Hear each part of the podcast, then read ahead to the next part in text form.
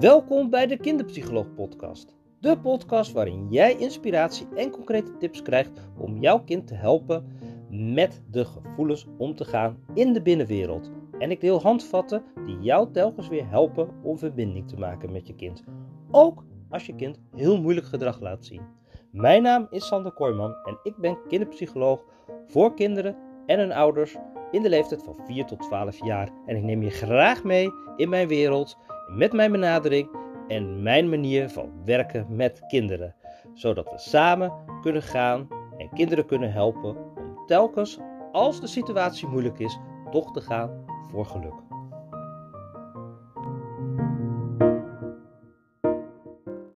We kennen ze allemaal wel. Het kwaliteitenspel, het lekker in je velspel, social cards, draakje vurig, noem maar op. Er zijn ontzettend veel middelen in de omloop om kinderen met gevoelens en emoties te helpen. Middelen die je kunnen helpen om in gesprek te gaan met kinderen.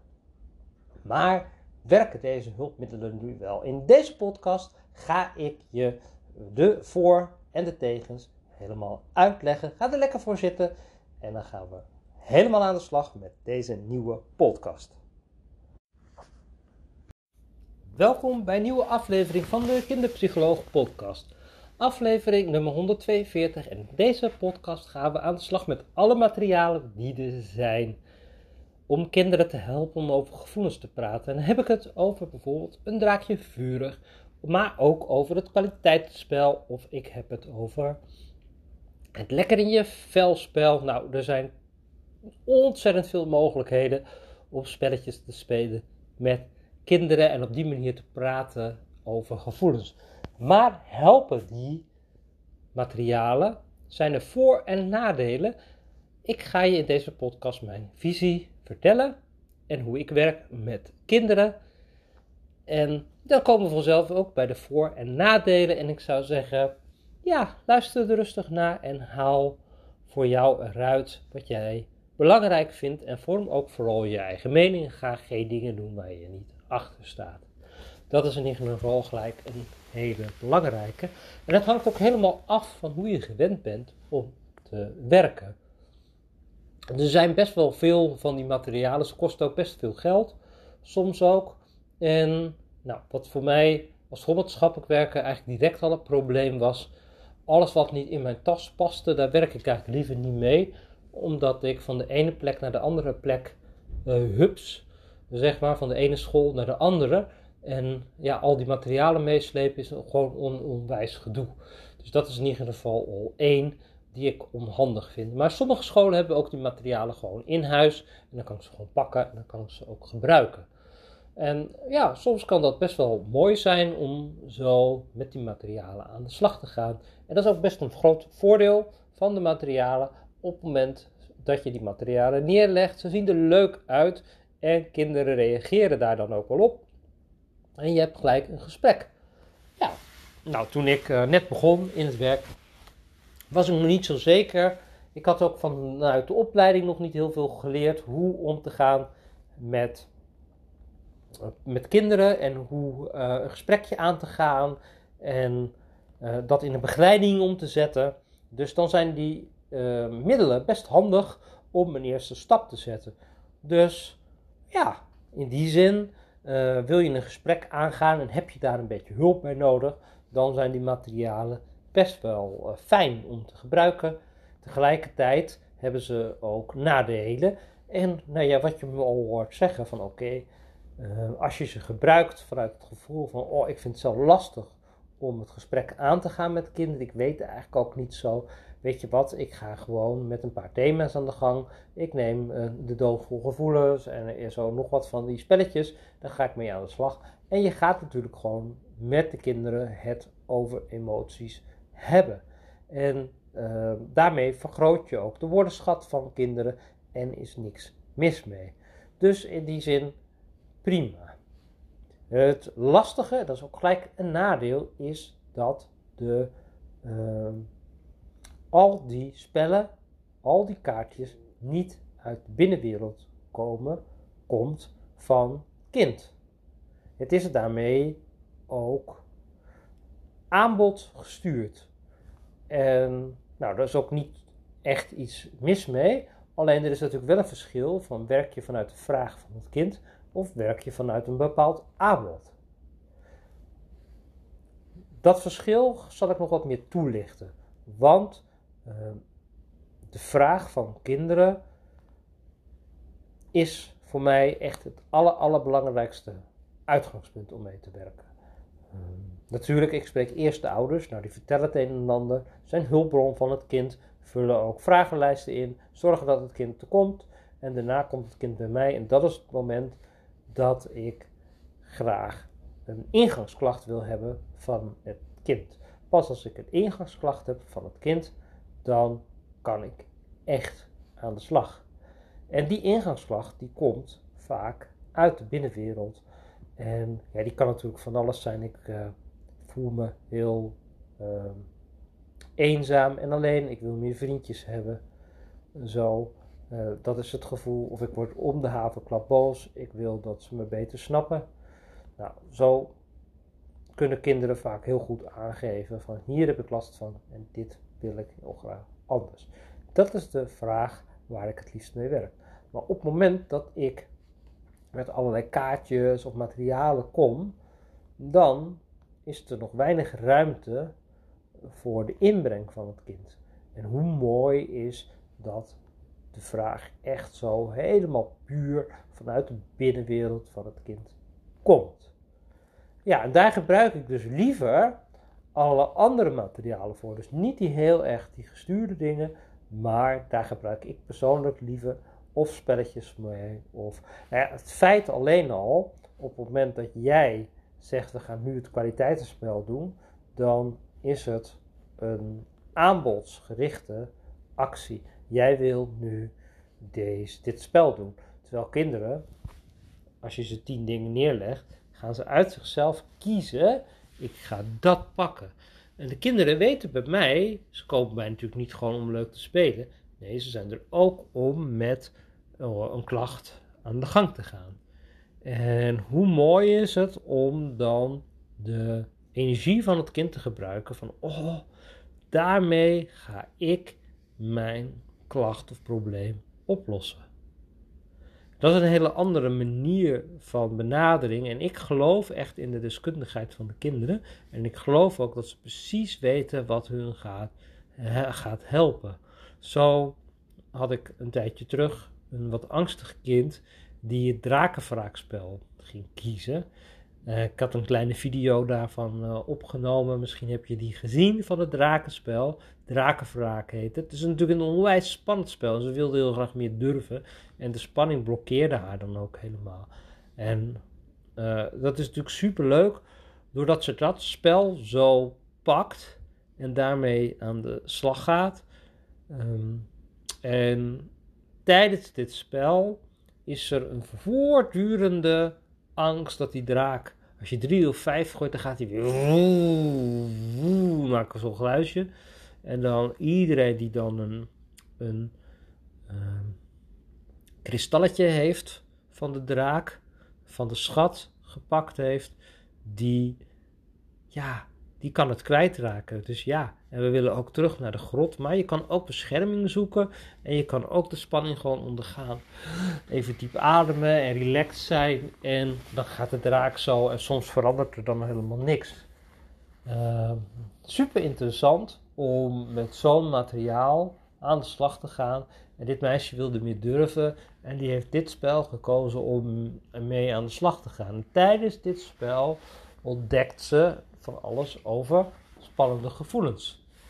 En ja, dan is het natuurlijk heel interessant. Dan zie je in dat spel heel veel gebeuren. Maar kinderen worden ook gewoon een deel of de draak, of ze worden het poppetje, of nou, er ontstaat heel veel. En zo groeit het inzicht in de eigen emotionele wereld ook steeds meer. Heel mooi om dat zo van binnenuit voor elkaar te krijgen bij kinderen. En dan zie je ook, dan zie je ook weer woorden toenemen bij kinderen. Dat ook de woordenschat groter wordt, dat ze beter kunnen benoemen. Dat ze in hun lichaam ook, doordat er in dat spel van alles gebeurt, En daar hebben we het er natuurlijk ook over. En die spanning die voelt ze ook in haar lichaam. En in één keer ontdekt ze van... hé, hey, mijn spanning woont op deze plek. Nou, zo interessant hoe kinderen ehm, vanuit hun eigen vraag spelmateriaal kiezen op die manier. Ja, en dan denk ik altijd, als ik dan zo'n doos met spelletjes, met materialen zie, dan denk ik altijd van ja, uh, dat is wel leuk. Ik speel wel een spel en ik deel kwaliteiten uit. En nou, die deel je dan zo uit. En dan, uh, ja, dan, dan heeft kinderen zo'n lijstje met van die kwaliteiten uitgevonden. En dan? Hoe, ga, hoe dan verder? Hè? En uh, dan zijn die kwaliteiten niet in de binnenwereld echt binnengekomen. En dat is natuurlijk wel echt heel erg jammer. Want je wil, als je kwaliteit doet, dat kinderen ook echt hebben. Oh, ik ben creatief en ik kan dit en dit en dit en zo. En dat ze dat helemaal van binnenuit voelen. Um, kan je natuurlijk ook vanuit de kaartjes dit gevoel wel zo versterken. Mm, maar tegelijkertijd is het natuurlijk veel interessanter als kinderen bijvoorbeeld in mijn, uh, ja, hoe noem je dat apparaat ook alweer? Het kermisapparaat bij mij, de grijpmachine. Uh, waarmee ze dus allerlei materialen erin en eruit kunnen halen. Maar heel vaak kinderen die dus alles eruit willen halen. En dat ze dan denken: wow, dit heb ik voor elkaar gekregen. Ik heb dit hele apparaat helemaal onder controle. Ik kan in heel snel tempo al die speeltjes er allemaal zo 1, 2, 3, 4, 5, 6 allemaal zo uitkrijgen. Wow, wat fijn, wat goed, wat geweldig. Nou, vanuit die energie vind ik het fijner om te werken. En ondertussen kan ik natuurlijk ook die sterke kanten ook benoemen en het met kinderen erop hebben. En klopt het ook? En, en dan blijf je keer in verbinding met die binnenwereld van kinderen. Die vind ik heel erg belangrijk. Dus ja, maar de angst is er natuurlijk ook bij mij ook hoor. Ik vond het ook heel erg moeilijk toen ik op een gegeven moment ging leren om met al die materialen te werken. Van ja, maar ga ik ze loslaten? En ik, was, had zo mijn gewoontes ook. Ik had mijn eigen patronen ook voor mij. Dat ik het fijn vond van als ik uh, dan zo'n kindje kreeg, dan deed ik die. En als ik dan die spelletjes deed, nou, dan, dan ging je daar ook al een stap mee maken. En zo werken de kaartjes ook wel. Je maakt er ook wel een stap mee. Maar die ervaring om echt helemaal diep die binnenwereld in te gaan, die krijg ik toch veel meer met al het materiaal. Om vanuit die verbinding, hè, dat kinderen zelf echt gewoon vanuit hun binnenwereld van alles eruit brengen. En hoe mooi is het om met die kinderen door een Minecraft wereld heen te lopen en dat ze zeggen van daar en daar is dat en in de verbeelding ga je dat en dat doen. Oh. En op dat moment kom je in iets heel spannends of heb je, word je heel boos of is er schuld of schaamte, jaloezie of nou ja, er kan van alles zijn. Uh, en uh, op die manier um, pak je dat op wat de kinderen eigenlijk aangeven dat er is. Elke keer mooi in verbinding te zijn en helemaal zo in dat spel samen met kinderen op te gaan. Een andere manier van werken, ook spannend. Ja, ik kan me helemaal voorstellen dat je ook denkt van ja, maar hoe mooi is het om vanuit de vraag van het kind te werken? Nou, daar, daar neem ik je natuurlijk heel graag in mee. Nou, dit is een mooie podcast daarover. Ik hoop dat ik je ook geïnspireerd heb. En om ook eens kritisch te kijken van, ja, het is ook wel een beetje lui misschien om uh, voortdurend dezelfde kaartjes te pakken. En kan je meer bewegen naar het kind toe. En leg eens verschillende materialen neer. Ook al doe je de 3, 4 en dan laat je het kind kiezen, dan ben je toch alweer meer vraaggestuurd bezig. Het is wel een hele leuke om zo deze podcast mee te eindigen. En dan kan je daar lekker mee aan de slag. Ik wens je een hele fijne dag en ik zie je heel graag bij een volgende podcast terug.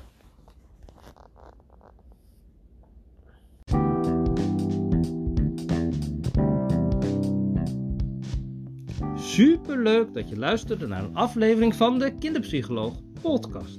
Wist je dat je heel simpel een review kan achterlaten? Ga naar de podcast app waarmee je deze podcast luistert en klik op reviews. Laat bijvoorbeeld een 5 sterren review achter of nog leuker een geschreven review. Hartstikke bedankt. Ben je over deze podcast enthousiast geworden en over mijn benadering? En wil je nog veel meer weten en ontdekken over praten met kinderen over gevoelens?